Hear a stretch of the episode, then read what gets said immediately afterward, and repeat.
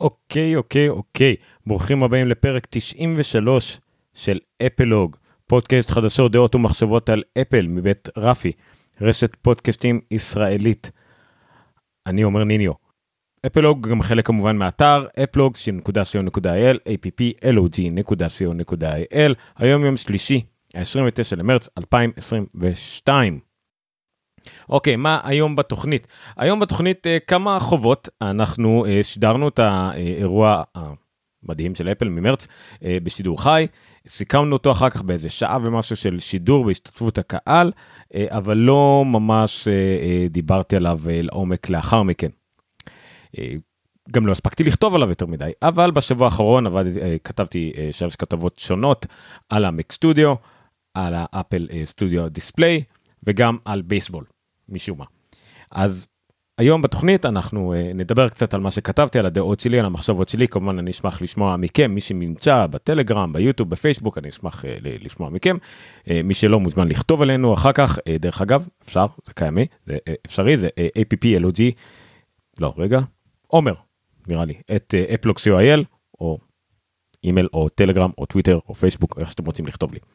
אה, חוץ מזה אנחנו נדבר גם כן כי יש הרבה חובות על, שמו, על חדשות ושמועות ממש מהזמן האחרון יש פה כמה דברים על האם יהיה מקבוק 15 אינץ יש גם שמועות כבר על האייפון 14 על מנוי חומרה לאפל זה גם זה היה איזשהו עניין אה, וכהנה וכהנה וכהנה. פרק 93 התוכנית הזאת מועברת כאמור גם כמעט כל שבוע בשידור חי ביוטיוב, פייסבוק וכמובן בטלגרם בהשתתפות הקהל והקבוצה הנפלאה של אפלוג. ניתן למצוא את כל פרטי השידור אה, ואת כל הדרכים להירשם ולהאזין לפודקאסט ברשימות הפרק באפלוג.co.il או בנגן בו אתם מזמינים, מאזינים עכשיו לתוכנית. אוקיי, אז אנחנו uh, נעשה מעברון, ג'ינגלון, ונתחיל uh, בתוכנית ישירות מכמה מחשבות שהיו לי.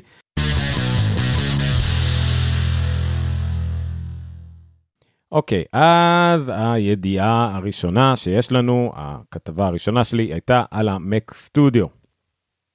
עכשיו, אני לא הכל אזכור בעל פה, אני גם לא אקריא את הכתבה, אה, מה המחשבות שלי ממש בקצרה על מק אה, סטודיו. אה, אני הבאתי כמה ידיעות של ג'ייסון סנל למשל, שהוא הסוקרים שאני יותר מעריך, כי גם אנחנו באותו ראש פחות או יותר, פחות או יותר לא גיקאות על, על נתונים טכניים והכל, אלא יותר על חוויה והכל. אז ג'ייסון סנל אה, אה, תיאר את החוויה שלו מהמק סטודיו שהוא קיבל לסקירה וגם הוא קנה לעצמו זאת אומרת יהיה לו גם כן בסופו של דבר גם אה, שימוש משלו במק סטודיו. אה, קודם כל הוא מתאר את זה אני לא הבאתי את זה אבל אני אגיד את זה שהמק סטודיו קודם כל הזכיר להרבה מאוד את הפנטזיה ההיסטורית של חובבי אפל ממשהו שנקרא אקס-מק. על מק שהיה אמור להיות הפתרון האולטימטיבי שמשלב בין אה, עוצ... עוצמה יחסית או יותר נכון גמישות יחסית מין מידי טאוור כזה שאפשר להחליף בו אולי כמה דברים אחסון וכדומה אבל הוא נייח והוא במחיר נורמלי. זה היה בתקופה אה, שלאפל היו מחשבים אה, מאוד אה, אה, מתקדמים בגדול אז זאת הייתה תקופה אה, בעולם של אפל שבהם היה המון המון דגמים המון מחשבים אה, מכל מיני סוגים לא היה באמת איזשהו מחשב נייח שיכול להיות המחשב המושלם אז סטיב ג'ובס הגיע אה, קרע לקרעים את כל הליינאפ של אפל עם עשרות מחשבים מיותרים ומיזג את הכל לכמה מחשבים שלצערנו אף אחד מהם לא היה המחשב שכולם יכלו לו מין איזה קופסה קטנה עדיין מודולרית והכל שתהיה מודרנית גם כן בתקופה של המק המודרני אחרי שנת 2000. אפל ניסתה לעשות כמה דברים כאלה עם ה-G4 Cube למשל, שלא באמת הצליח בגלל בעיות חומרה חמורות של חימום ומעבד לא מספיק חזק, זה היה G4. המק פרו של 2013, הפח אשפה השחור, היה כמעט ההפך הגמור מזה. אה, לא מודולרי כמעט בכלל, אמנם מגניב והכל, אבל הוא באמת לא שירת את הפנטזיה של אנשים על xMac, אה, וככה זה המשיך. עכשיו, הוא לא מתכוון להגיד בזה שהמק סטודיו הוא איזשהו xMac אולטימטיבי, הוא לא. פשוט זה נראה שאפל אה, ויתרה על קונספט של, לא ויתרה, בעצם אף פעם לא נכנסה לתחום של מחשב בינוני שניתן לעשות בו שינויים לצרכן הפרוסיומר נראה את זה ככה, אלא פשוט ויתרו על הכל, ומה שהם מכוונים לסוג הזה זה קופסה כמו אותו מק סטודיו. שהיא אה, עדיין חזקה, עדיין קטנה, עדיין במחיר משתלם יחסית, 2,000 אה, עד 4,000 דולר אה, על מחשב בסדר גודל שלו לפני 20 ו-30 שנה היה 4 ו-5 אלף דולר מינימום, אז זה פחות או יותר מה שאפל מתכננת לאותו שוק שקיווה לאקסמק. העניין הוא שהוא לא כמעט, הוא בעצם לא, לא ניתן להרחבה מבפנים בכלל, אלא אפל קוראת לו מודולרי. מה הכוונה במודולרי? מודולרי זה הכוונה שאפשר אולי להרחיב אותו, אוקיי?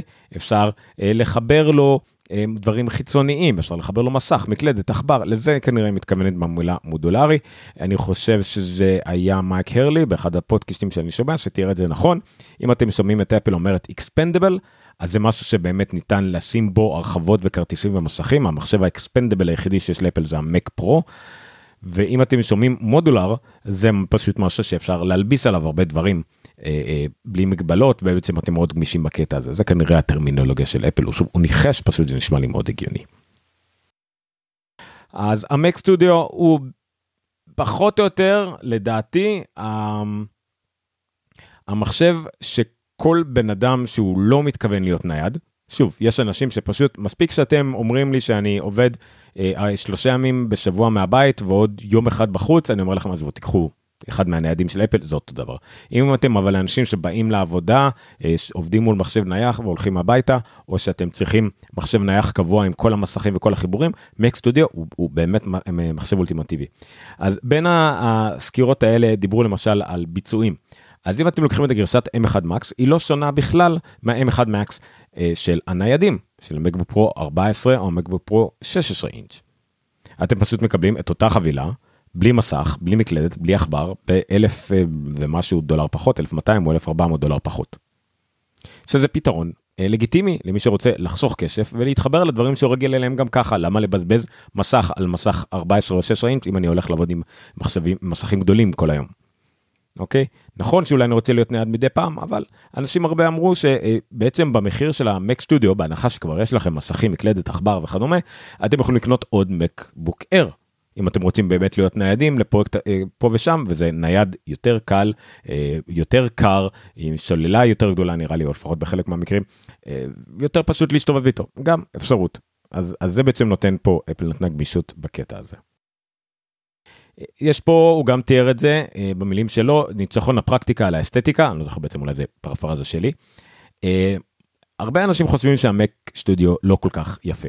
אני לא מסכים, אני חושב שהוא מוצר מאוד יפה. נכון, אפל בעצם אה, הלכה נגד האסתטיקה הקבועה שלה ועשתה חריצים מקדימה לשני USB-C או Thunderbolt 3 ו-SD card. עדיין אני חושב שזה עדיין אסתטי זה עדיין בלוק של אלומיניום יפה אין פה איזה משהו מפואר נכון הוא לא יפה כמו ה-G4 קיוב שהיה מדהים לזמנו אבל היום הוא יראה לנו כמו פלסטיק מוזר שנשרט ו- ונהיה עם צבעים לא, לא משהו כל כך אטרקטיבי. המק סטודיו הוא לגמרי מחשב שיכול להחזיק 10 שנים עם אותו עיצוב ובעצם הכל יהיה אותו דבר. אז זה מדהים מבחינתי. ואבל היו גם כמובן כמה. אה, אני אכנס ישר לבלגן שהיה עם ה-SSD של המק סטודיו. סליחה שאני מתפזר קצת, אני חלוד, גם אנשי הפודקאסטים יקשיבו לזה, אני חלוד, אני מתנצל, אבל עדיין באנו לדבר פה על דברים גיקים, אני לא צריך להיות איזשהו אבשלום קור, אבל בסדר. אז מה הסיפור עם ה-SSD הנשלף? מקטק נראה לי, ככה קוראים לערוץ היוטיוב שלו.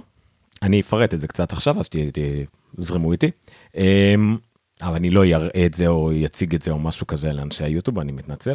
אז היוטיובר לוק מיאני, אני חושב שהוא ממקטק, אה, קטל את אפל על זה שהוא גילה בפירוק המקים שה-SSD במק סטודיו ניתן לפירוק והרכבה, זאת אומרת הוא לא מולחם ללוח M. למעשה לא רק זה, יש שני סלוטים, שני חריצים ל-SSD, כשאם אתם לוקחים למשל גרשת ה-1 טרה, או נראה לי גם ה-512 וכדומה, אה, רק אחד מהם מנוצל, ויש אחד ריק. עכשיו מי שבקיא בחומרות של מקים, השלוט הרחבה הזה נראה כמו M2 SSD או משהו כזה, או M SATA לשעבר, דברים כאלה. אבל למעשה לא מדובר, לא, מדובר בכונן בלעדי של אפל. בסדר, אפל יצרה לעצמה כונן אה, בטכנולוגיה בלעדית, אוקיי, הוא אמר לגיטימי. אז אני אנסה אז לקחת ממק סטודיו אחר, עם אותו נפח אפילו, וננסה לשים אותו על Mac Studio עם חריץ ריק ולראות אם זה מורחב לי. הוא ניסה את זה גם כן עם להחליף אחד באחד וכנראה עוד כמה דרכים, לא, לא, לא, לא התעקשתי לצפות בכל הסרטון שלו, הבנתי את הקונספט. הוא בכל המקרים, בכל המקרים, סליחה, נכשל. נכשל, המק סירב לעלות, המק גם הערה מין אה, הערת כזאת מגניבה של הנורית שלה, SOS, אני חושב שזה שלוש תיסופים קצרים, אחד ארוך, שלוש קצרים עוד פעם, או שלוש ארוכים, כן, שלושה קצרים, שלושה ארוכים, שלושה קצרים, SOS, ו... והוא לא הצליח לעלות את המחשב, לא משנה מה.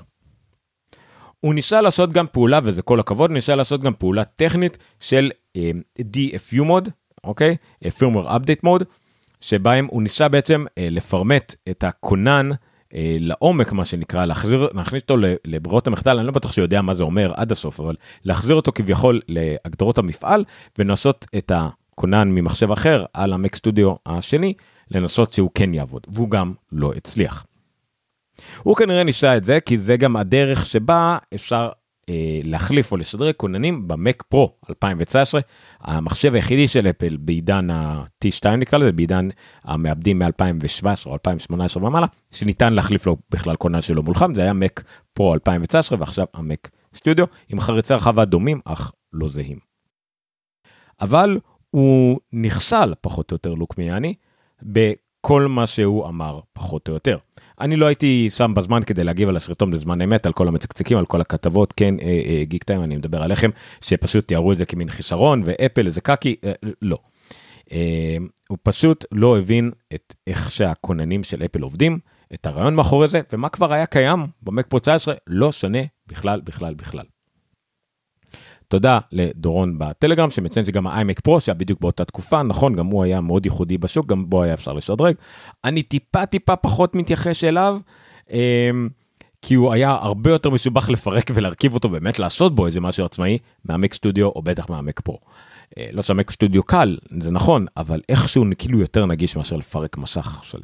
אבל כן אתה צודק לחלוטין היה גם שם אותו אותו עניין. אז ארס טכניקה פרשמו כתבה מדהימה שבעצם פירקה את כל הטענות שלו לגורמים הם ניסו להיות אה, מנומסים טיפה אה, אני יכול להיות פחות מנומס כי אני לא אוהב אה, בלוגרים שמשחררים כותרות וצעקניות ומוטעות פחות או יותר וממש ממש אה, פירטו לפרטי פרטים שמה כתב הוא אנדרו קנינגהם מארס טכניקה את כל הטעויות. אה, שאותו לוק מיניאני או מיאני אה, עשה בסרטון שלו. אני אנסה ממש לעבור עליהם בקצרה. קודם כל, הכוננים של אפל עובדים בצורה אחרת. אנחנו רגילים מהכוננים SSDים של סמסונג שבמחשבי ווינדוס וכדומה שבעצם יש לנו יחידה אחת שלמה שמכילה את הקערה בה נמצא בה אנחנו שמים את המידע שלנו נקרא לזה ככה את האחסון עצמו את, את הצ'יפים אה, אה, שעליהם מאוחסן המידע ועליהם יש גם את ה controller הבקר שאחראי לנהל את המידע בפועל, להגיד זה כונן, ככה ניגשים אליו, או להצפין אותו, ואם אתה רוצה לגשת למידע תעבור דרכי, אני אגיד לך איך לגשת למידע, זה הבקר. ברוב המוחלט של הכוננים בעולם, הכונן, אחסון עצמו והבקר נמצאים על אותו דבר. ובגלל זה אתה יכול להחליף כונן מאחד לשני, ממחשבים שונים, אין בעיה. אצל אפל זה אחרת.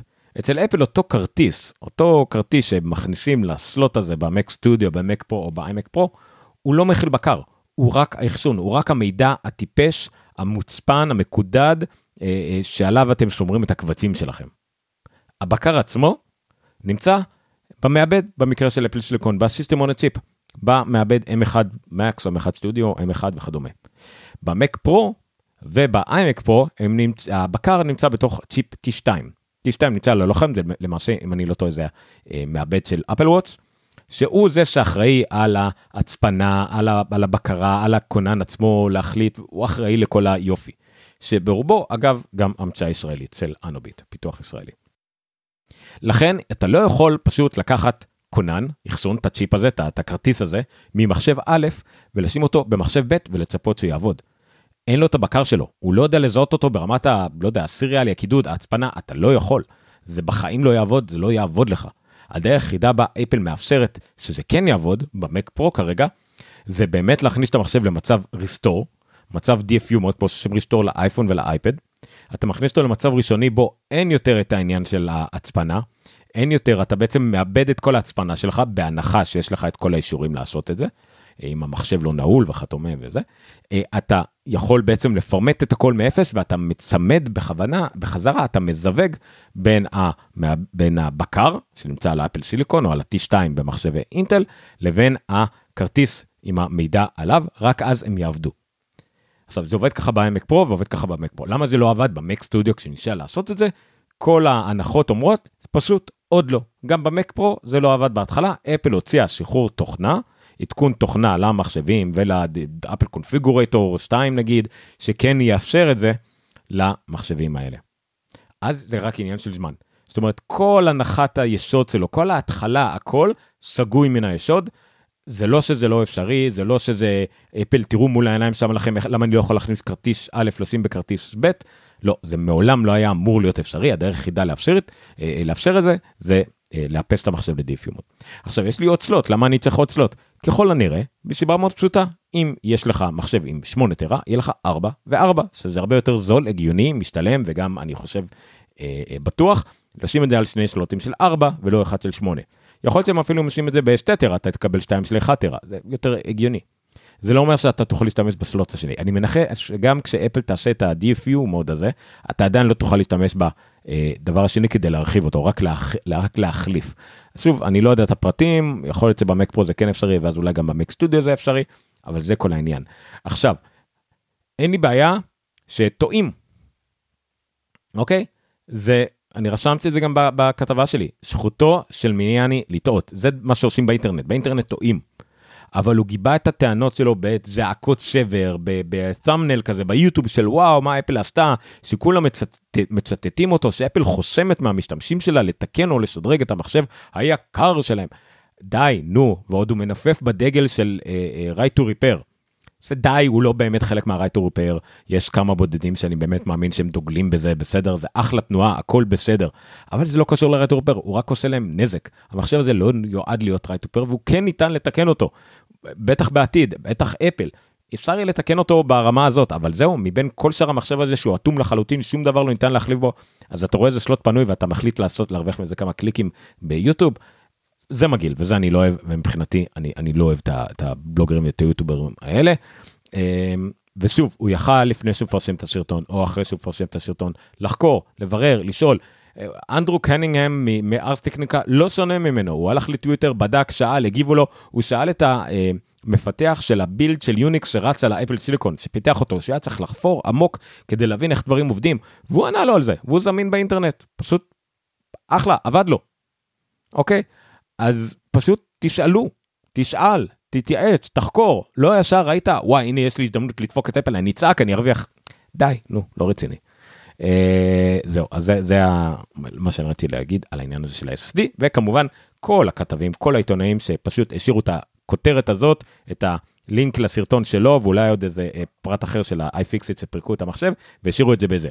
לא עדכנו אחר כך עם כל התשובות הנכונות, לא, הם לא הלכו בעצמם כדי לברר איך זה עובד, אה, אותם אני לא מעריך ואין לי הערכה לגבי עיתונות כזאת. אז אני מתנצל, ושוב, אפשר לטעות, תוציאו עדכון לכתבה. זה הכל. או בטוויטר או בפייסבוק איפה שפרשמתם, אל תלכו על הברירת מחדל של די, זה דפוק אה, וזרוק. אוקיי? ממש לא ככה. עוד כמה נקודות על ה Mac Studio. אמ, זה סתם מעניין, בשידור עצמו, גור שאל, אה, שאל אותי מה זה החור הזה שיש למטה ב Mac Studio. התשובה המיידית שלי הייתה אה, מנעול אה, Kensington, זה מין מנעול כזה שאפשר לנעול ולחבר, זה סטנדרט בתעשייה שנועלים כל מיני מכשירים, במיוחד אלקטרוניקה גדולים, אבל זה החור אחר. הוא כנראה קטן יותר, אין מספיק מקום לדחוף מנעול של Kensington ברווח בין ה, אה, נגיד שולחן למק סטודיו אז כנראה זה פשוט רק אה, איזשהו הכנה למנעול עתידי שאפל תשווה כנראה כנראה משהו לא סטנדרטי. עוד דבר שלמדנו אה, די מהר אחרי האירוע שהמק סטודיו עם ה-M1 אולטרה הוא כבד יותר בכמעט חצי קילו לא בכמעט קילו מגרסת המקס. והסיבה לזה היא די פשוטה הגרסת ה-M1 Max היא מגיעה עם גוף קירור, אם אתם זוכרים בתמונות הגוף קירור הוא כמעט חצי מהמחשב, עשוי מאלומיניום. גרסת ה-M1 אולטרה מגיעה עם גוף קירור שעשוי מנחושת. שנחושת מוליכת חום, מפזרת חום, הרבה יותר טובה מאלומיניום ולכן יכול לשמור על החום של המחשב או על קירורו הרבה יותר טוב. אז זה טוב. אמ, עכשיו, The Verge העלו בסקירה שלהם, שהם, והם עשו סקירה באמת יפה ונפלאה על המק סטודיו, הם נתנו לאחרים גם לבדוק אותו, זה יפה, אבל הם אמרו שהמחשב עצמו שקט להפליא. אה, ואני אחזור לזה תכף, גם בעבודה מאוד מאומצת. שוב, בגלל שכל המחשב הזה מועד לקירור והכל. אבל אה, מיד אחרי זה היה אנשים שלא הסכימו עם זה, אמרו שהרעש מאווררים הוא כן דומיננטי. למעשה, לפחות לפי אה, בדיקה אחת, המק סטודיו הוא המחשב השני הכי מרעיש אה, שאפל אי פעם הוציאה, או הוציאה בשנים האחרונות, אחרי המק פרו. מדובר על הבדל בין 27 דציבל ל-25 דציבל, אבל עדיין, זה, זה, זה כאילו נשמע לא הגיוני.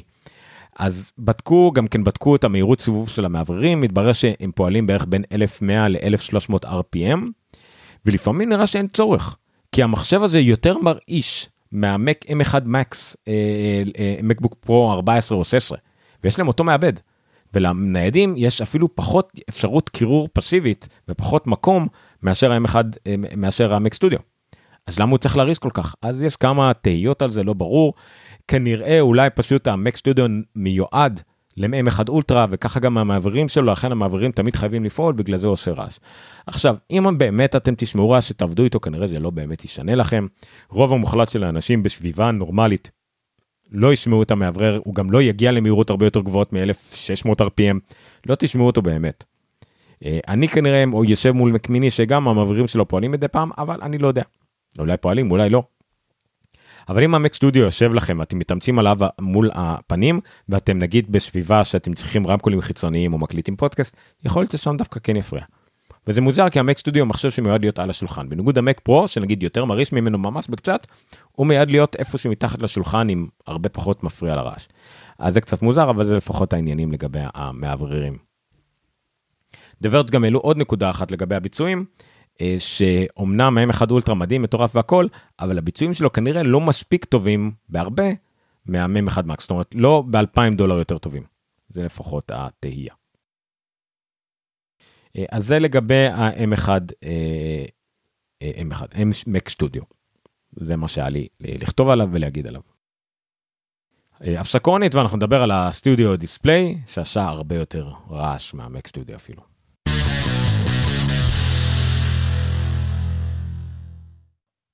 דיספליי. כן, עכשיו כשיצאנו מהאירוע הזה לא חשבנו שדווקא הסטודיו דיספליי יעשה הרבה רעש והרבה מחלוקות אה, והרבה דברים שנויים במחלוקת ייכתבו עליו וידברו עליו. אה, אבל מתברר שלהיות אה, מסך זה לא פשוט. אז אני אעבור על קצת יותר מסודר מהמק סטודיו על הנושאים שעשו בעיות להרבה אנשים בין אם הם יש להם בעיות אישיות עם זה או שהם באמת רק שמעו על זה אבל עדיין. אז דבר ראשון המצלמה. זו התלונה הראשונה נראה לי הגדולה שפורסמה בעקבות סקירה של The Verge ועוד כמה. אה, לטענתם המצלמה פשוט לא מספיק טובה. אתם יכולים לראות בכתבה פרסמתי למשל תמונות של ג'ואנה שטרן אבל גם זאת גרובר הביא את זה ו The Verge אה, נילאי פטל הראה את זה בסרטון אה, וידאו שהמצלמה פשוט לא מספיק טובה שזה מוזר מדובר במצלמת 12 מגה פיקסל. שהיא אמורה להיות אותה מצלמה כמו שיש באייפון 11 אוקיי באייפד פרו ובאייפדים החדשים ובטח אמורה להיות יותר טובה ממה שיש בשאר הניידים של אפל שהם רק מצלמות אה, HD לעומת 12 מגה פיקסל. אבל לא ככה דבר ואנשים ממש היו מאכזבים מהביצועים של המצלמה אה, גם בתנאי תאורה לא טובים וגם בתנאי תאורה טובים וגם כשהם משווים אותם ממש אחד ליד השני מול שאר המוצרים של אפל. אז יש כמה אבל דברים שיצאו בעקבות זה. עכשיו אני לא מאשים את כל מי שקטל את המצלמה, אה, א' כל זה עניין של טעם אישי, למשל ג'יימס שנל לא ראה יותר מדי הבדל, ושנית, אפל הודתה שיש כנראה בעיית תוכנה אה, או בעיה שאפשר לפתור בתוכנה והם יוציאו עדכונים. כמובן שסוקרים טובים לא מתייחסים לעדכונים, עתיד, אה, להבטחות עתידיות, אז הם משקרים את זה כמו שהמצב כרגע. אם אפל תתקן את זה, אני בטוח שלמשל דברד יוציאו איזשהו עדכון לכתבה כדי לעדכן, אוקיי, עכשיו זה יותר טוב. זה אתם יכולים להיות בטוחים. עכשיו, אז יכול להיות שתוכנה תפתור את זה. זה לא פותר את זה שעובדה שכרגע זה לא מספיק טוב. יש כמה השערות לגבי למה זה קרה. אז כן, יכול להיות שפשוט התוכנה שאמורה לעזור עם ה-image signal processing, עם ה-ISP, עם העיבוד תמונה, לא מספיק טובה, משהו קרה שם, משהו נדפק. שנית, אומרים שבגלל שהמצלמה תומכת ב Center Stage, שהיא צריכה לצלם מסך רחב מאוד, ואז היא עושה cropping בהתאם לפנים של הבן אדם. אז אם אתם רואים תמונה מסוימת משתקפת לכם מהמצלמה של ה Studio Display, אתם רואים למעשה cropping, חיתוך של לא יודע, 50% מהתמונה, 40% מהתמונה, אני לא יודע בדיוק כמה. וככל שיושבים יותר רחוק מהמסך, אז הוא יצטרך לעשות crop יותר רציני. מה שלא קיים למשל באייפד שאתם יושבים מאוד קרוב אליו, או באייפון שאתם יושבים מאוד קרוב אליו, הוא לא צריך לעשות crop כל כך גדול, הוא יראה בעצם את התמונה כמעט כמו שהיא, עם טיפה חיתוך כדי למקם אתכם במרכז התמונה, במקרה של Center Stage. ב Studio Display, זה כנראה בעיה וזה רחוק מדי והוא עושה crop רציני מדי מה שמאוד פוגם באיכות שוב אפל יכולה לפתור את זה על ידי תוכנה קצת ו scaling עדיין זה לא לא מספיק טוב.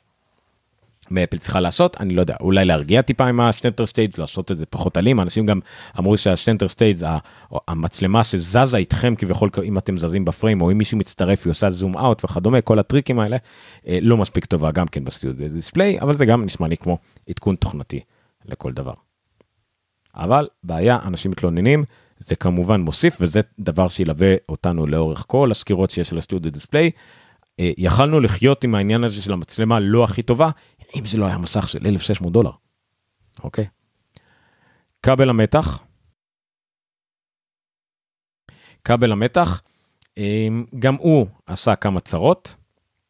בעיקר בגלל שאנשים חשבו לפחות בהתחלה שאי אפשר להוציא אותו ידנית בכלל, אי אפשר להוציא אותו עצמאית, זה לא כבל קומקום או כבל מיקי מאוס או כבל 8 אה, שאפשר להוציא אותו בקלות. בין היתר כי אפל הייתה צריכה לעשות אותו כבל ייחודי שיוכל להיכנס לתוך אה, מסך דק. אה, מסך דק אי אפשר להכניס עליו את כל, ה, אה, כל הכבל קומקום למשל, אוקיי? זה לא מספיק אה, אה, עמוק. מיקי מש אולי אבל מיקי מש אולי לא מספיק למתחים שהסטודיו דיספליי צריך. בכל מקרה אפל הוציאה כבל, כבל מיוחד אה, שהוא צר יותר אה, ואנשים חשבו בהתחלה שאי אפשר להוציא אותו או שאתם חייבים ללכת לספק אה, שירות מורשה כדי להוציא אותו. אבל אז מתברר שלאפל יש removal tool מיוחד שבעצם שמים אותו הוא נותן בעצם סוג של כוח של מנוף על הרגלית ומאפשר להוציא את זה. ואז אמרו שמישהו מישהו פשוט נשאר בעצמו, מישהו שעשה את זה גם עם ידיים חשופות בלי כלי מיוחד.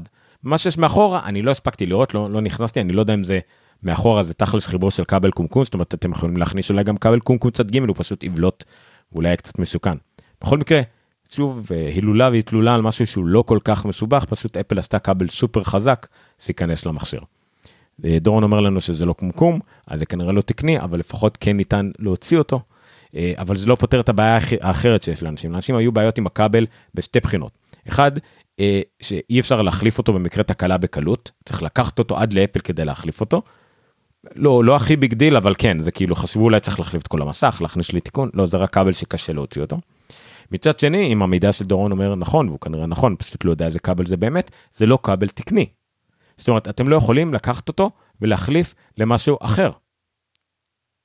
וזה לא רק לעניין של החלפה או תיקון עצמי וכל הדברים האלה, אלא פשוט להרבה אנשים שצריכים כבל יותר ארוך, או אפילו כבל יותר קצר אם, אם זה ממש קרוב אליהם, למרות שזה בדרך כלל פחות בעיה. אבל אנשים שנגיד רוצים אה, לעבוד על מסך, אה, על שולחן שמתרומם למצב עמידה, והשקע נמצא מאוד למטה. הם לא יכולים, הם, לשים כבל מעריך זה נורא מכוער.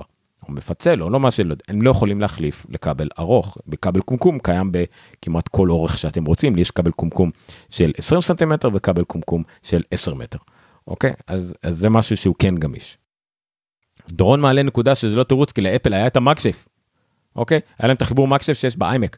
אני לא יודע בדיוק מה השיבות שהם לא שמעו אותו אה, בסטודיו דיספליי, רק זה נשמע לי מסוג המקרים שאם מישהו איכשהו יסביר כולנו נגיד אה נכון. שוב לא תירוץ, כרגע.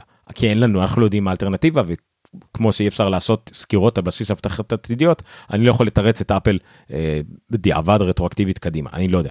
אבל יש לי הרגשה שעומד משהו מאחורי זה, אולי זה כי המקסייף לא יכול להעביר מספיק מתח, כמו החיבור הזה, אולי הוא לא מספיק בטוח אה, למצבים של סטודיו דיספליי, אה, אני לא יודע. אני לא יודע. אני לא יודע. אבל בסדר. זה גם כן נכון, דורון אומר מתקן את עצמו אני לא יודע אבל כן זה מתח שהוא מעביר הרי ישירות לכבל מתח אה, לעומת המקסף שהוא מעביר בעצם מתח לתוך שנאי והשנאי אה, אה, בעצם מחבר את זה לחשמל. אוקיי, בסדר. לקחת, הוצאת לי את המילים מהפה. שוב, דרך אגב, לגבי הכבל מתח, אותו דבר. היה עוד, היה עוד הרבה אנשים שאומרים, אני בחיים לא נגעתי בכבל מתח, חיברתי את האיימק שלי או את המשך שלי פעם אחת עם כבל קומקום שקיבלתי איתו, ולא נגעתי בו בחיים. זה דרך אגב, אני משער 90% מהאנשים, אם לא יותר. שוב, אבל קולם של המיעוט צריך להישמע, כי זה משך שעולה 1,600 דולר, ותמיד יהיה מיעוט שיקנה אותו, והמיעוט הזה דווקא לא אולי יש שימושים מיוחדים. אז זה לא תירוץ, ועדיין חוזרים לזה, מחיר 1,600 דולר למשך, צריך להיות בו משהו תקני לפחות. הדבר הבא, הרגלית. הרגלית במק סטודיו,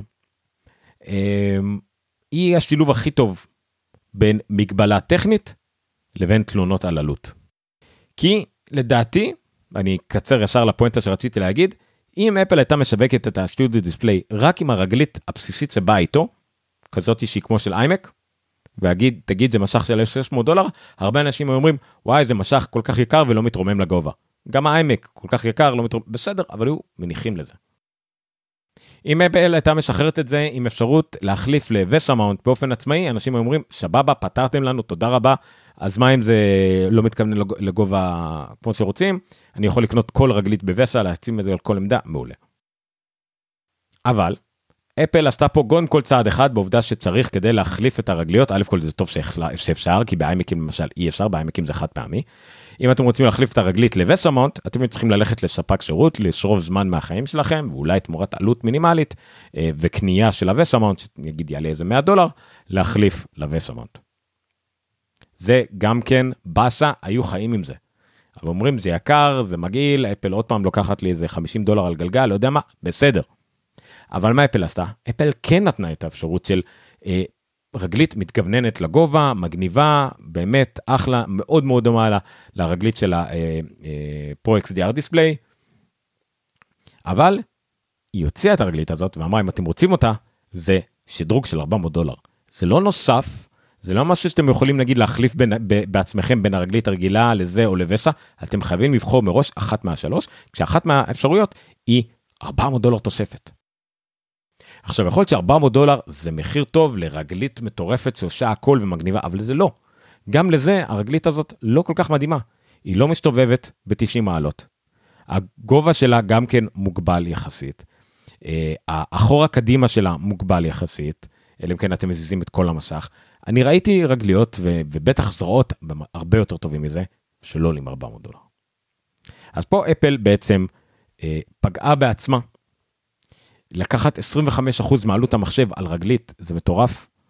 אה, אפילו הפרויקט דיספליי, הפרויקט XDR דיספליי, הרגלית שלו עלה 1,000 דולר, אוקיי? זה, זה אפילו לא 25% כי זה עולה 5,000 דולר המסך. אז אפל עשתה פה כמה טעויות שהן יותר טעויות שיווקיות יחצניות מאשר טכניות. כי כולם, אני חושב, משתמש נורמלי היה מסתפק ב- בסדר למסך שהוא בסדר, הכל בסדר. ולגבי שאומרים לו, אתה יכול לקבל את הדבר האמיתי, הדבר הטוב, ב-400 דולר אקסטרה, זה כבר פוגע, זה כבר מעליב. זה, זה לפחות מה שאני חושב. על המעבד, בוא, זה דבר קצת יותר אופטימי, קצת יותר אופטימי, דברים שגילינו על המעבד. שמדובר, אנחנו ידענו שמדובר ב-A13 ביוניק, אוקיי? מעבד מטורף, דיברנו על זה. אבל מישהו כבר ציין לא זוכר באיזה פודקאסט, נראה לי ב-ATP, שהמעבד הזה חזק יותר בביצועים ליבה אחת מאיימק מ-2020. מעבד פשוט שנמצא בתוך מסך טיפש כביכול, יותר חזק מהאיימק שיצא לפני שנתיים, שלוש. כמובן שזה בביצועי הרבה ליבות, לאיימקים יש שמונה ליבות וכדומה, זה קצת יותר חזק, מן הסתם. אבל עדיין זה מדהים וכל זה בשביל מסך אנחנו אמרנו שזה יותר חזק מאפל TV 4K נכון אבל זה גם יותר חזק מאיימק זה מטורף. עכשיו למה צריכים מעבד של אייפון 11 בתוך מסך כזה התשובות הברורות הן, דיברנו על זה קצת, אה, זה עיבוד תמונה, הסאונד, היי סירי, כל מיני דברים שיכולים להקל על המעבד של המחשב אליו המסך מחובר, בעצם לוקח את הפעולות אליו, פעולות שגם ככה קמות בתוך המסך. עיבוד תמונה של המצלמה, הסאונד של הרמקולים להשפעה של אודיו, וגם האפשרות להפעיל את היי סירי.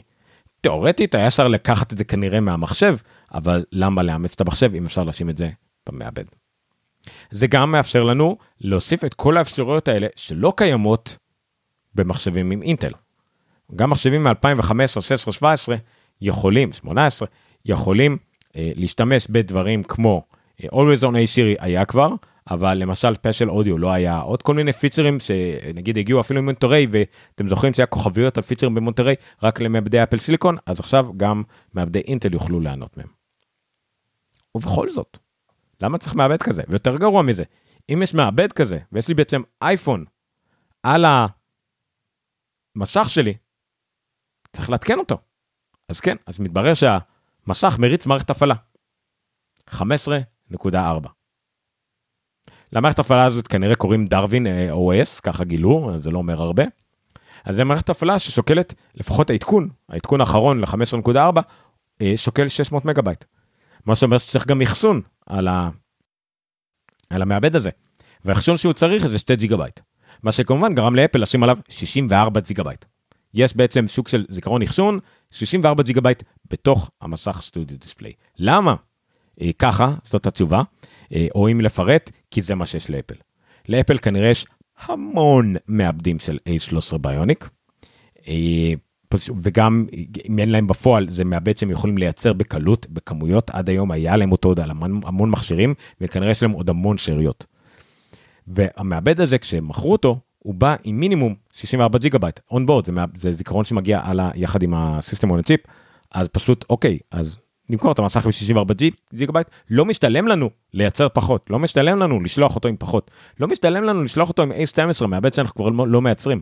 ה-A13 ברבאק, מייצרים אותו בכמויות, פשוט גאונות של אפל מבחינת ניהול מלאי וניהול משאבים, אין מה להגיד.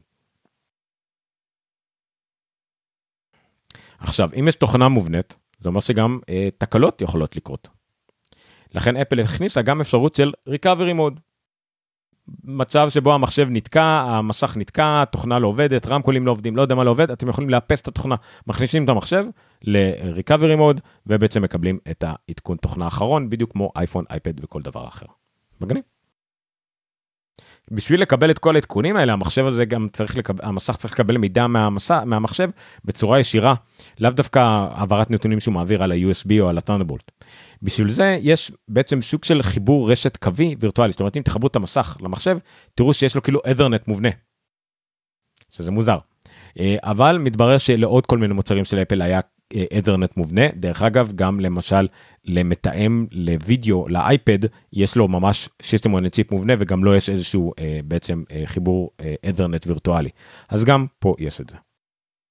דורון מציין שהחשש שלו שמישהו ייצור פרצה למשך שתסתול לך נוסקה במחשב ברגע שתחבר אותו למסך הזה.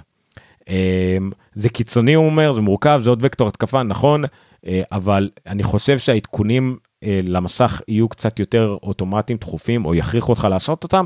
ושוב זה כמו אייפון זה לא שונה מלפרוץ לאייפון ואני משער שה Darwin OS בפנים אה, הוא read only כמעט לגמרי. זאת אומרת הוא בדיוק כמו ב Monterey וב Big Sur מדובר ב... או באייפון זה בעצם snapshot של מערכת read only ורק הקטע של ה firmware הוא עליו, הוא לא יכול לאחסן עליו, אין לו שום אלמנט של אפליקציות, של file system כנראה, אין עליו כנראה שום דבר שיכול לשמש כווקטור, אני מקווה לפחות, אבל זה בהחלט אה, עוד חשש מסוים. עכשיו, בואו נדבר על הביקורות. לא פשוט לשקם את כל הביקורות עד עכשיו, אבל אפשר להגיד בביטחון שהנטו של כל הביקורות היה שלילי. אם נשחם את כל הביקורות שהיו על המסך, אין ספק שהן שליליות. אבל, אין, זה קל מאוד להגיד שהכל שלילי. אבל צריך להבין שזה סכום, ובסכום הזה יש גם הרבה חיוביים, הרבה פלוסים והרבה מינוסים, שכמובן אה, אה, גרמו לזה להיות שלילי, אבל עדיין אני רוצה לדבר גם על דברים חיוביים, כדי שזה יוביל אותי גם למסקנה שלי, לדעה שלי על המסך. אז מבחינת חיובי, כן מדובר במסך LCD, אבל זה מסך LCD מהמדויקים והאיכותיים ביותר שאי פעם נוצרו. פי שלוש והדיוק מסך והפול RGB כל הדברים האלה מסך LCD ISP אחד המדויקים כאן שנוצרו אי פעם. זה אותו פאנל בגדול, אותו סוג דבר, רק שכמובן עודכן עם השנים, שודרג עם השנים, האיכות בנייה שלו, איכות ייצור שלו, הטכנולוגיות מאחוריו השתפרו, אבל זה אותו פאנל שאנחנו כבר מכירים, מהעמק 27, כבר שנים, מי שרגיל להשתמש בזה, יש לו בעצם אותו דבר חיצוני, זה מה שכולם פיללו לו כל השנים, רק שתדעו. רזולוציה, מדובר ברזולוציית 5K טבעית, מה הכוונה טבעית? כשאני אומר טבעית אני מתכוון ל-high זאת אומרת, אתם תעבדו על המסך הזה, אתם תעבדו, עם אה, גודל משך של, אה, אני לא זוכר, אה, 2560 על 1600, משהו כזה, פשוט בפיקסלים כפולים. שזה בעצם 5120 על 3200. זה יוצא 144 DPI, תודה לדורון, 1440, לא 1600. אה, כי זה הפך להיות 6 9, סליחה. כשזה היה פעם 6 10 זה היה 1600. אה, אה, סליחה, הניידים 1600. המשך הוא 1440, סליחה. אמ, זה בעצם מאפשר לנו לראות ממשק עבודה של 5K מלא, לא 4K, זה עוד איזה כמעט, זה, הרבה יותר אחוזים פיקסלים, זה 20 או 30 אחוז יותר שטח עבודה, אבל ב-high DPI, ברזולוציה רטינה מושלמת של 144 DPI. אין את זה במסכים אחרים. אתם יכולים לקחת מסך 4K, אבל אין מסכי 4K high DPI. זאת אומרת, אם תחברו מסך 4K למק, אתם תראו את כל ה-3100 ומשהו על 1800 ומשהו פיקסלים, ואם תרצו לראות את זה בגודל הגיוני לבני אדם, תצטרכו לעשות scaling. עכשיו, אתם יכולים לעשות scaling כפול בדיוק, נגיד 1920 על 1080, אבל אז אתם תהיו עם שטח עבודה של 4K, ועדיין עם מחשב שעושה scaling, זאת אומרת, הוא צריך להכפיל בעצמו את ה... אה, נקודות כדי להגיע לאותו DPI בערך, כמו שה-5K מגיע אליו באופן טבעי.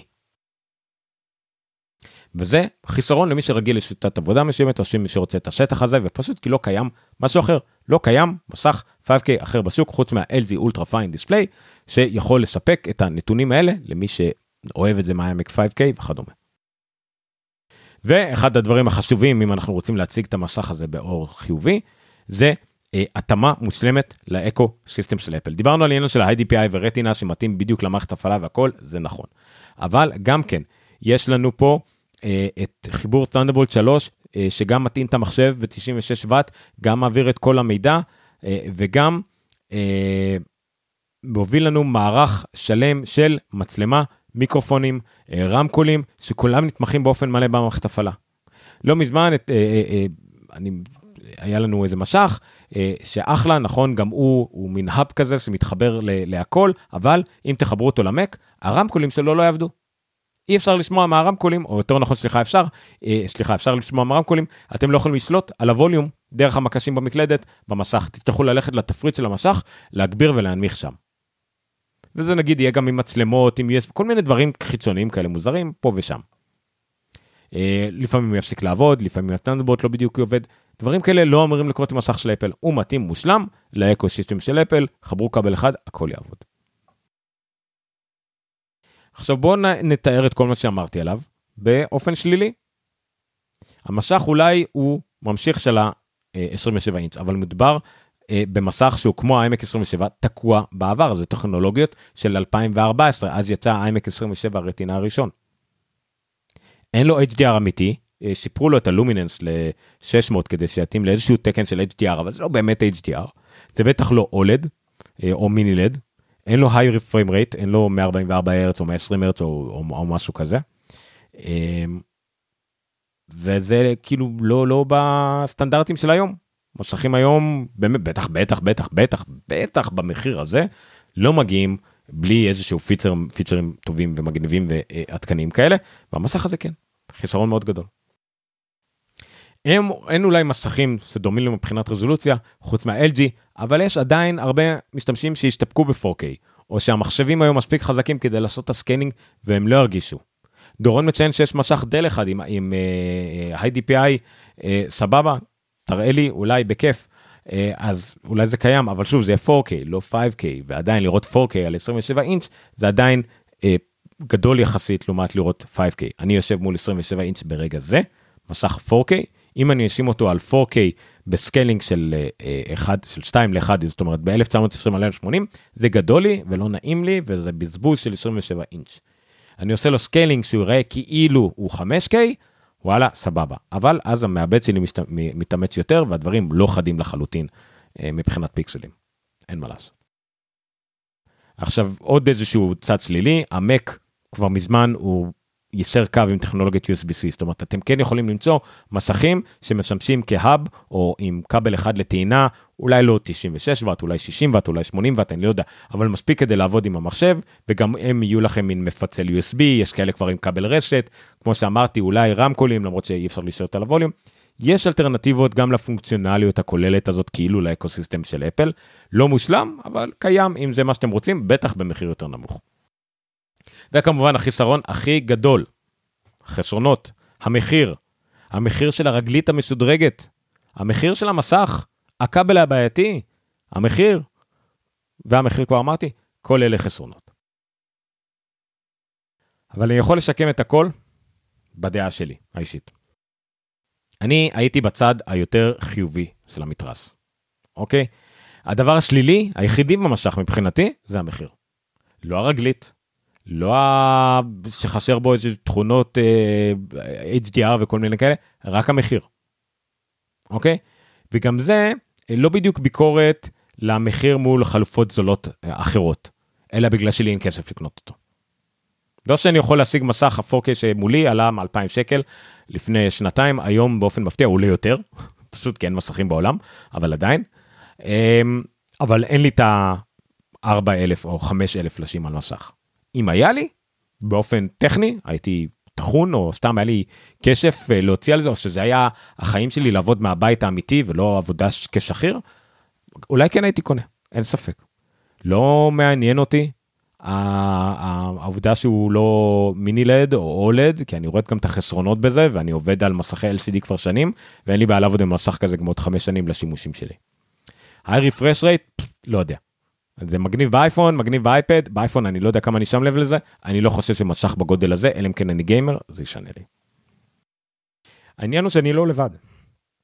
הרבה מהרוכשים הפוטנציאליים למסך הזה היו מסתפקים באותם ביצועים בינוניים לכאורה והכל, בגלל כל שאר היתרונות שציינתי.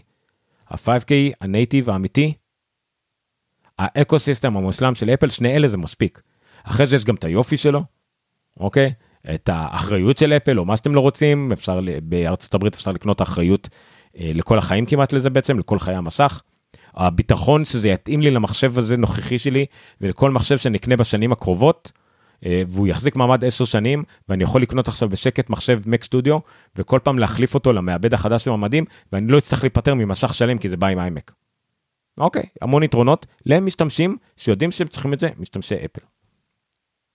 אני חושב שיש הרבה שמזלזלים באותם היתרונות האלה. כן, אין לאף משך אחר בשוק את כל החבילה הזאת. יש לו מסך יותר טוב, אבל לא יהיה לו את זה. יש לו, אה, אה, לא יודע מה, יש לו USB, אבל אין לו, כל מיני שילובים שלא יהיה להם את החבילה השלמה. שאני ציינתי כדברים חיוביים. ברור שיהיה להם משהו שיפתור בעיה שלילית.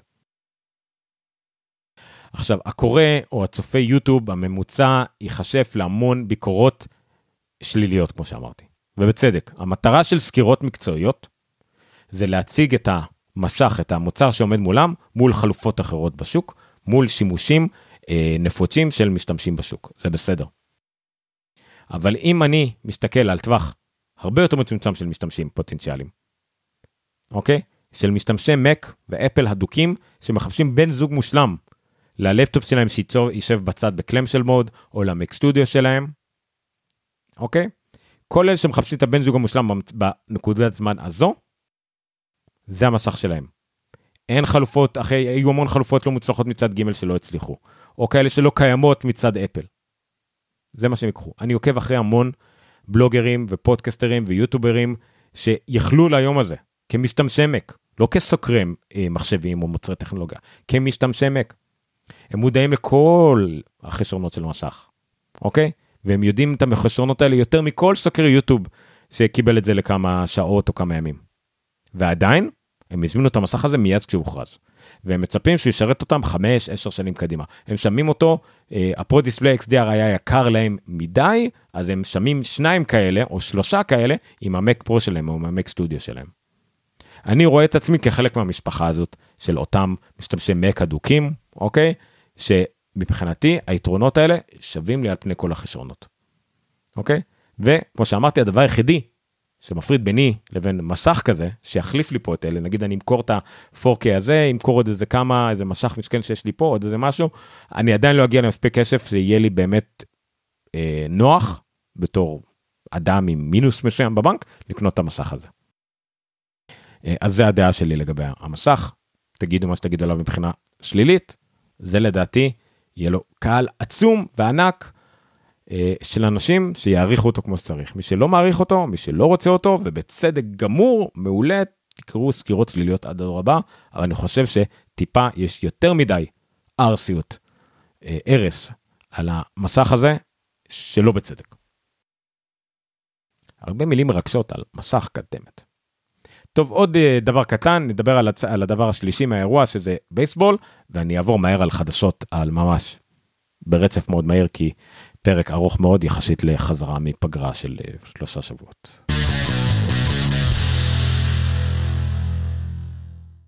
מחשבות על בייסבול. למה? אוקיי, אז העניין הזה של בייסבול אה, והבייסבול שאפל הכריזה כשידורי live הוא קצת יותר חשוב ממה שאנחנו חושבים.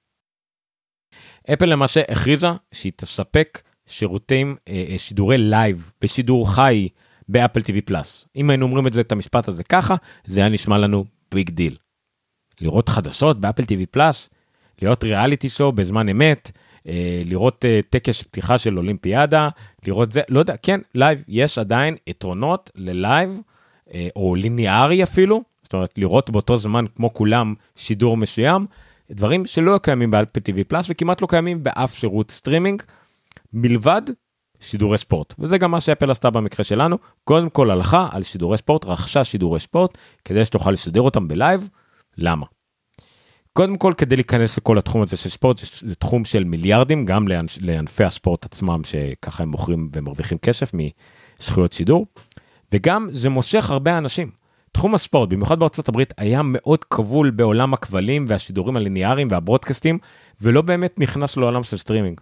עכשיו כל ענף ספורט NBA ועם Game Pass וה-MLB אה, וכאלה יש להם שירותי סטרימינג משלהם אבל לא לכולם ולא תמיד טובים מספיק.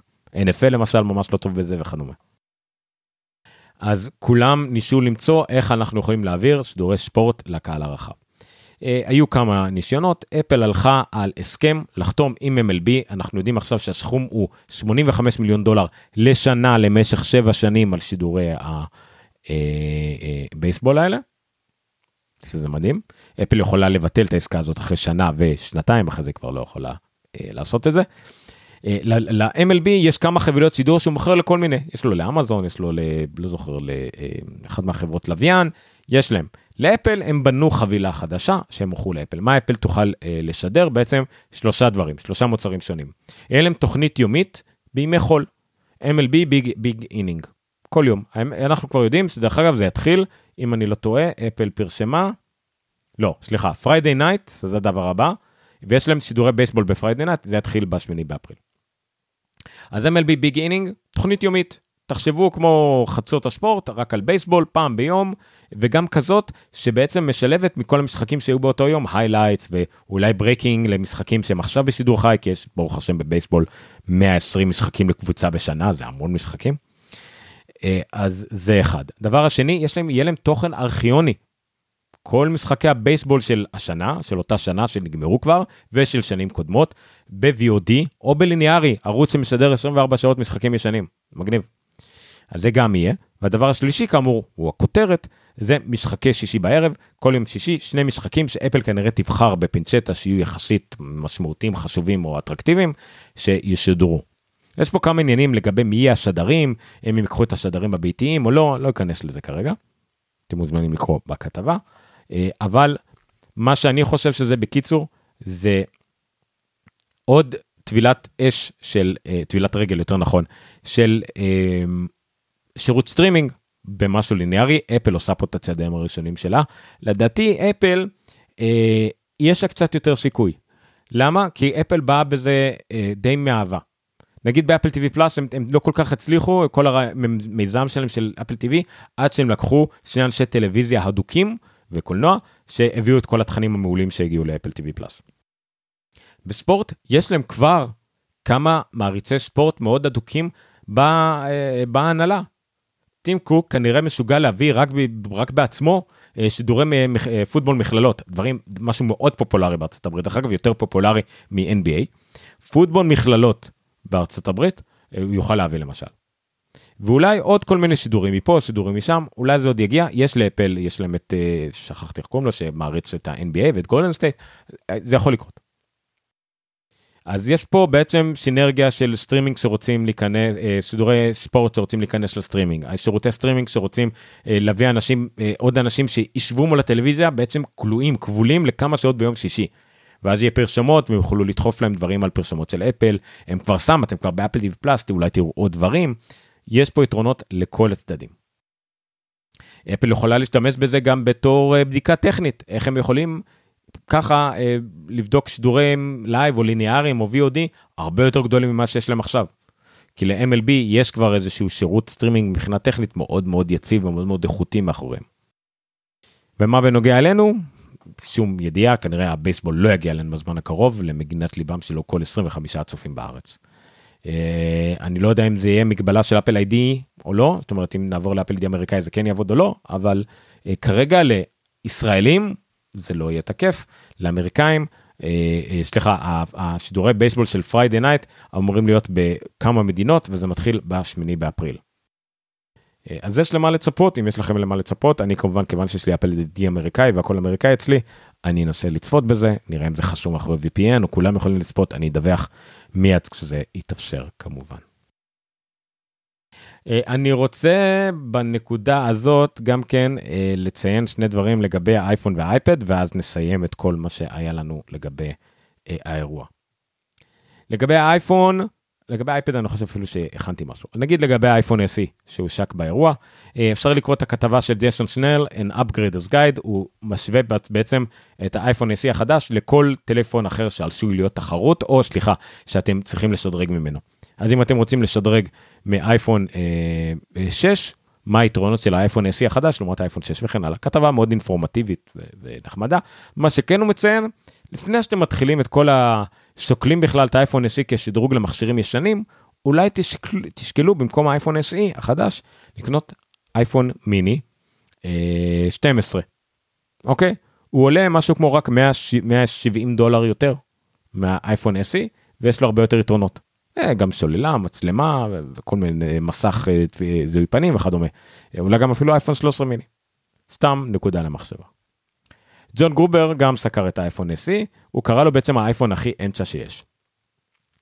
אה, והוא תיאר בעצם את הלקוח המושלם לאייפון SE. זה בן אדם שרגיל לאייפון 6, ל-7, ל-8, לטביעת אצבע, למסך מסוים, וכל מה שהוא רוצה זה אולי מעבד קצת יותר מהיר, מצלמה יותר טובה ושוללה יותר טובה כי שלו כבר התחילה להיחלש. בשבילו קיים האייפון SE 2022. זה הכל. ככה אפשר לשקם את רוב הסקירות, היו באמת מגה סקירות על הכל, אמרו זה המחשב, זה המכשיר הכי עוצמתי שקיים ב-500 דולר ומטה, מצד שני כל השאר אצלו נורא מיוסן ומה אפל מה אתם עושים, אפל יודעים מה הם עושים. אה, להוציא אחלה מכשיר זול עם 5G ומעבד הכי חזק בשוק. אוקיי. אוקיי, אה, הפסקונת ונעבור לחדשות ושמועות שהיו בשבוע שבועיים האחרונים. אז הידיעה הכי חשובה כמובן, היא די טריה גם מבין כל הידיעות שאני הבאתי, אפל זכתה בפריקין אוסקר. ממש מאחורי הגב או מול הפנים או מתחת לאף, איך שאתם רוצים, של נטפליקס, אפל זכתה באוסקר. השרת קודה, סדר מקסים, אני מת עליו. זכה למעשה בשלושה פרסים, כל שלושת הפרסים להם הוא היה מועמד. שחקן המשנה, אה, טרוי קוצור, אה, התסריטאית זכתה על תסריט מעובד, אה, סיין הלר, סליחה, אני חושב קוראים לה, על תסריט מעובד, מסרט במקור צרפתי, וכמובן השרט כולו זכה בפרס השרט הכי טוב של השנה.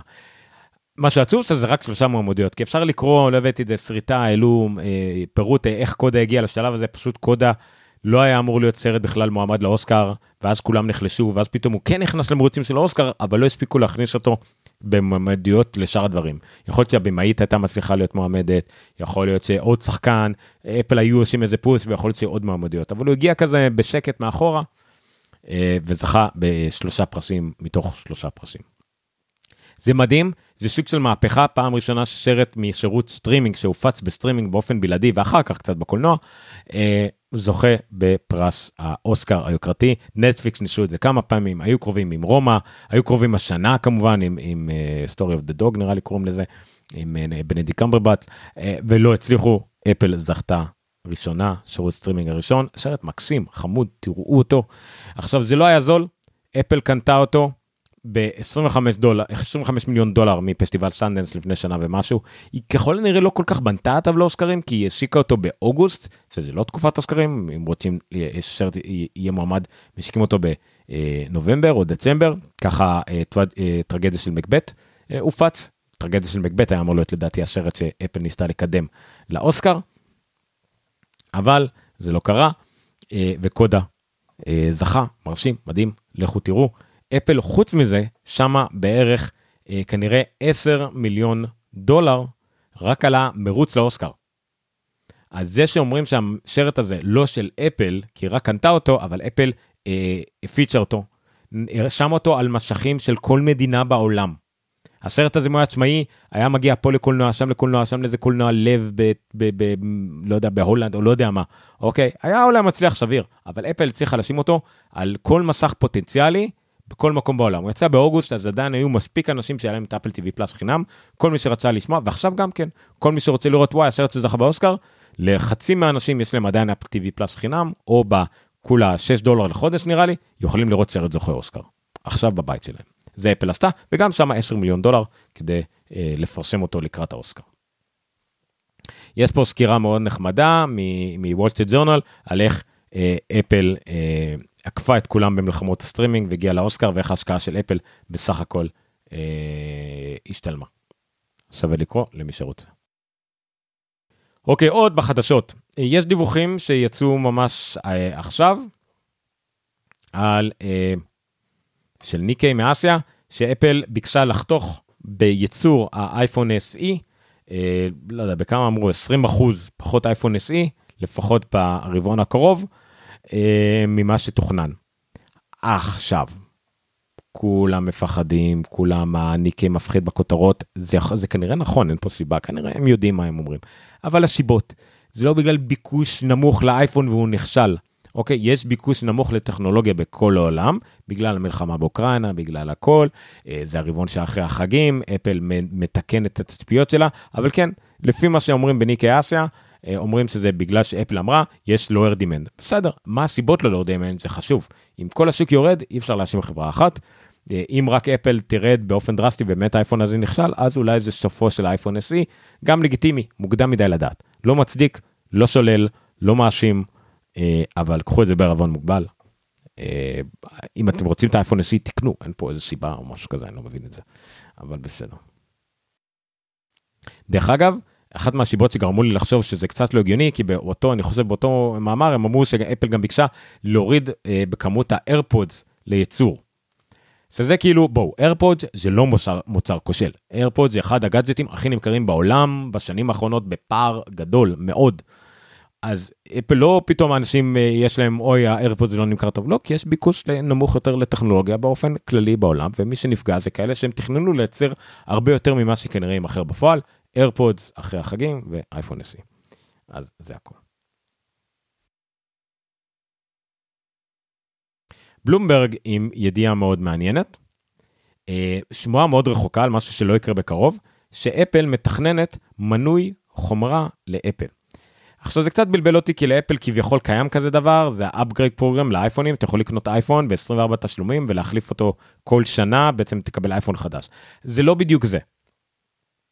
כי ב-iPhone Replacement אה, Program אה, אתם בעצם קונים אייפון בתשלומים לא דרך אפל אלא דרך ספק קרדיט שבעצם אה, מספק אמצעי תשלום לאפל בעצם קונים דרכו אייפון בתשלומים ומקבלים אותו אין פה איזשהו מודל מנוי אמיתי אלא פשוט חלוקה נוחה לתשלומים עם אפשרות יציאה באמצע.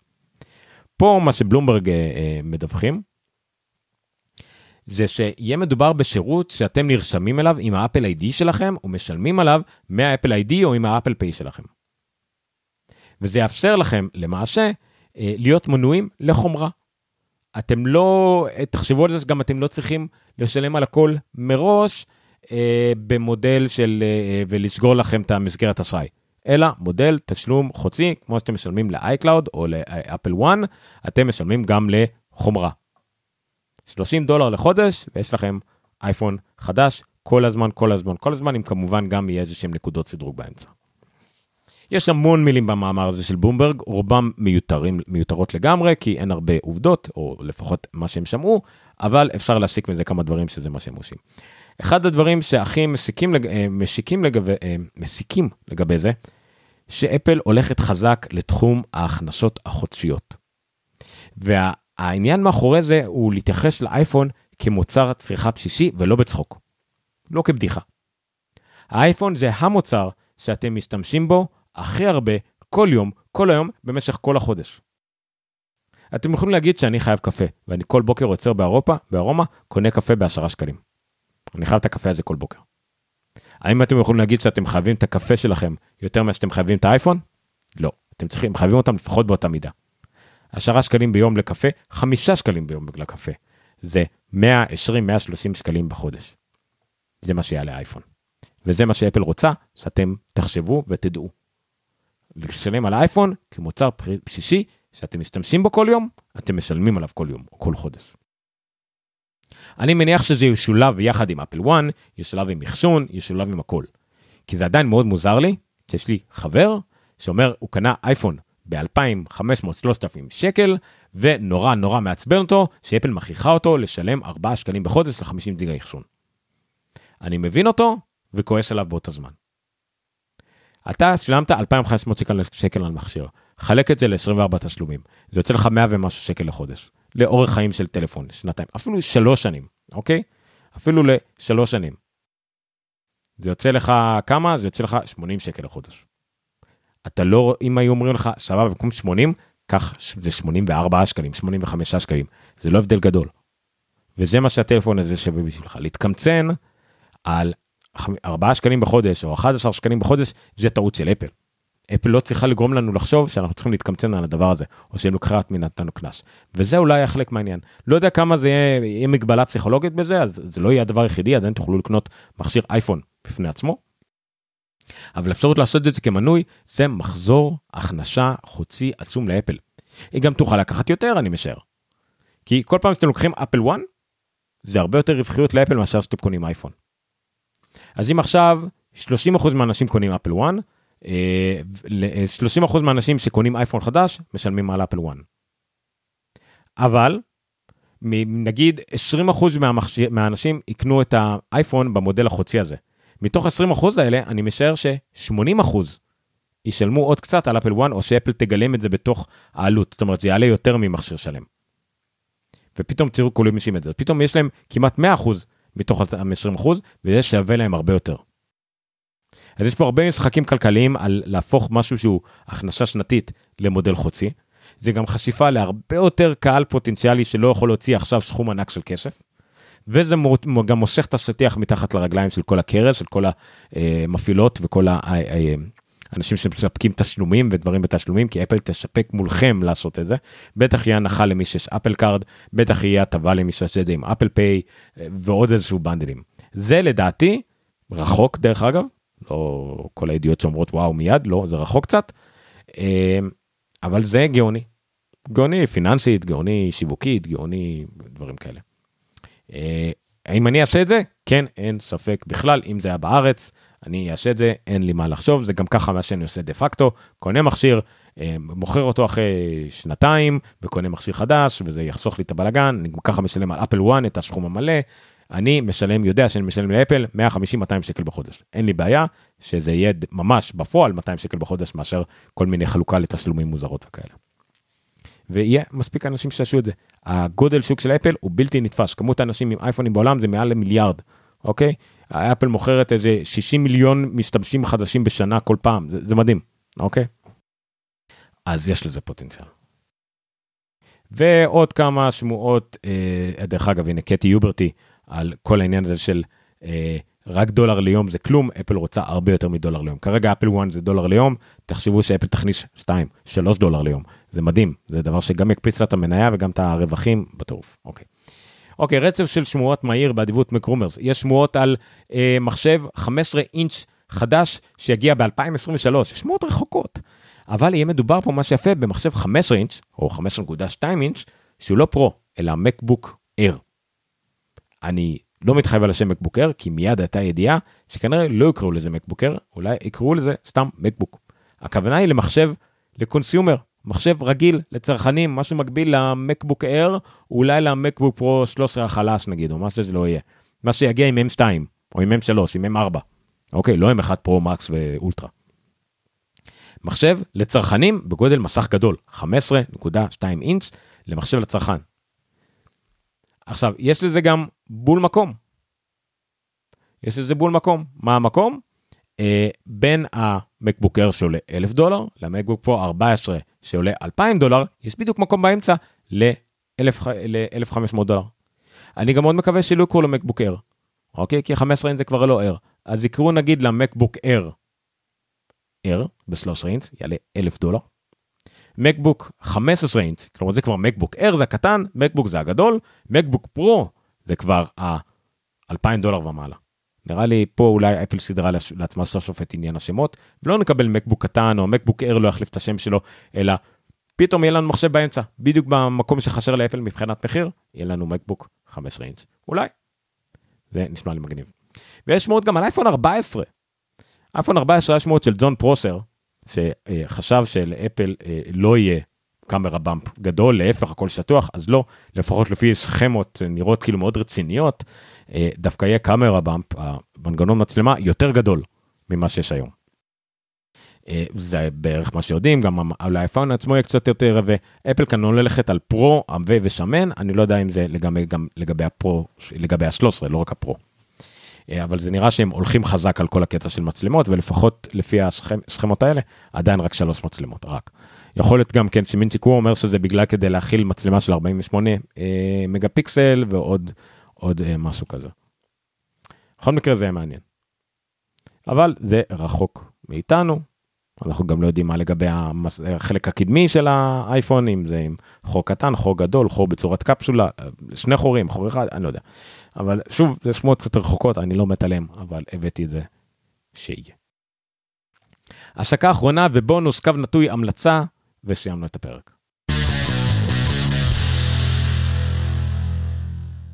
הבונוס ההמלצה שלי, זאת האפליקציית פרוטקסטים כנראה הכי טובה שקיימת.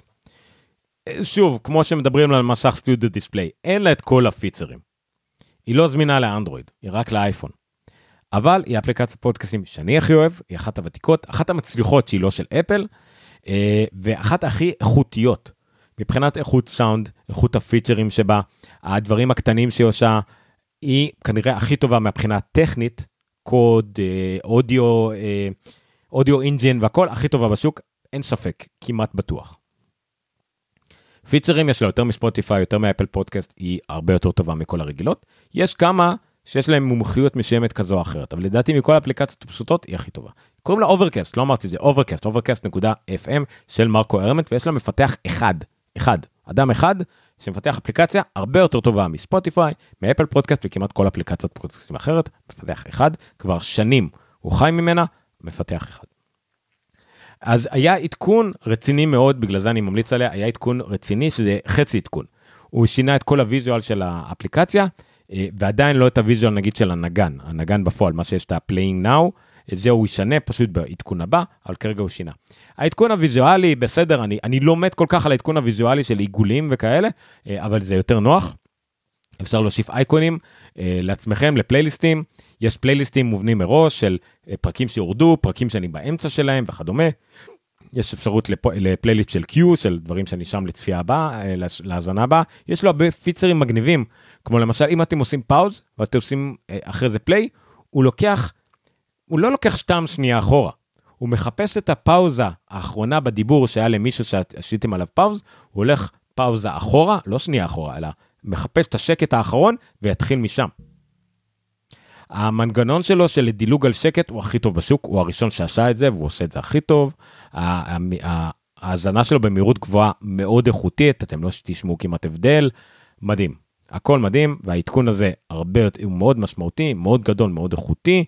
אה, ויהיה עוד עדכון בדרך, אז אני ממליץ מאוד על Overcast, overcast.fm. אה, זה הדרך הכי טובה להאזין לפודקאסטים, וגם לא פחות חשוב, זה תומך בכל הפיצרים של פודקאסטים. אם אני שם תמונה שונה לכל פרק, אתם תראו את זה. אם אני שם פרקים, אתם תראו את זה. אם אני שם פרקים עם לינקים, אתם תראו את זה. אם שמתי לינק למשהו שהוא בעצם ממומן, נגיד בפטריון, אתם תראו לינק עם דולר לידו. תומך בהכל. ב-Markdown, בכותרות, הוא לא תומך בימין לשמאל, בעברית זה נכון. תומך בהכל. זה האפליקציית פודקאסטים לאנשים שאוהבים פודקאסטים אמיתיים, RSSים, אוהבים אודיו, אוהבים סאונד, ואולי לא צריכים את כל הפיצ'רים של לא, לא, לא, יש לאחרים, בדיוק עכשיו, היום נתקלתי באיזה פיצ'ר של אה, אפליקציה שמנתחת את הפרק, מוצאת סניפטים של דקה שתיים מדי פעם, ומאפשר לכם לשמור snippet, מגניב, לא אומר שלא, פה יש רק, אה, ב-Overcast יש רק אפשרות לשתף נגיד קטע אודיו מוכן בצורת סרטון או בצורת אודיו ולשלוח לאחרים, לשתף, אחלה גם, לא משהו, זה לא החלק המרכזי שלו, כמו באפליקציה אחרת שזה החלק המרכזי שלו. ועדיין, אני לא יכול להדגיש את זה מספיק, כמו שאומרים באנגלית, Overcast, אפליקציה שאני ממליץ להאזין לה לפודקאסטים שלי ולכל פודקאסט בעצם אחר, אה, אין ספק בכלל. אה, זה אפילו לא ידעתי שיש. שאם אתה לוחץ לחיצה ארוכה על, על ארטוורק, אתה רואה גם תקציר של הפרק ויש לך עוד אפשרות לעשות. מגניב, לא ידעתי, אני אנסה את זה. לא נכנסתי לכל האפשרויות. אני משלם, תורם לאפליקציה, כי האפליקציה היא חינמית עם פרסומות, אני משלם עליה ועדיין רואה פרסומות, אני אוהב לראות פרסומות, כי הפרסומות זה פרסומות לפודקאסטים. אז אתם, אנשים משלמים כדי, כדי לפרשם את הפודקאסט שלהם בזמן שאתם מאזינים לפודקאסטים אחרים, וזה הסוג פרסומות היחידי שיש פה בתוכנה, ו, וכל הכסף הולך ישירות למרקו, אין פה אחוזים לאיזשהו ספק פרסומות או משהו כזה. אז אני גם משלם אה, תשלום שנתי וגם רואה את הפרסומות, מה אכפת לי זה טוב, אני אולי אגלה שם איזה פודקאסט. זהו, זאת הייתה ההמלצה שלי על Overcast, אתם מוזמנים לקרוא את הסקירה המעולה של ג'ון ווריז. ב-macstories.net או כמובן גם בבלוג של מרקו.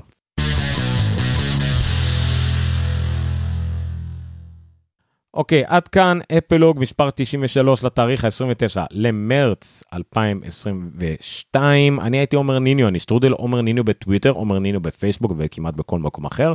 אה, זה הפודקאסט אפלוג, APPLOG, APPLOG פודקאסט בטוויטר, אה, אפלוג א' פ' ל' ו' ג' ב... אה, פייסבוק, אפשר לחפש אותנו גם בטלגרם, אתם תגיעו לערוץ ואז לקבוצה, קבוצה סודית, אבל הלינק נמצא בכל מקום. אה, אתם מוזמנים לעקוב אחרינו בכל המדיות, לכתוב אליי, כמובן בעומר, עומר? אני עדיין לא זוכר, נראה לי זה עומר, סטרודל applog.coil, וכמובן ליצור איתי קשר ב-DMים, בטוויטר וכדומה. אני מאוד אשמח אם תשתפו את התוכנית לכל מי שלדעתכם אוהב טכנולוגיה ואוהב את אפל. הפרק הזה היה פרק אמנם ארוך, לא הכי מסודר, אבל מאוד הולם את מה שאני אוהב לעשות, לדבר מהלב, מהדעות שלי, מחשבות שלי, על נושאים שהם בוערים. אה, פעם היה לנו אירוע מיוחד של האירוע של אפל, אבל גם חדשות השבוע. זהו, עד כאן, לילה טוב, תודה רבה לכולם, ושוב, אני אומר ניניו, זה אפלוג. אה, תודה שהייתם איתי ונתראה, אני מקווה כבר בשבוע הבא, אם לא יהיו בעיות, ושמרו על עצמכם. זה הדבר היחידי שאני אגיד שהוא אקטואלי.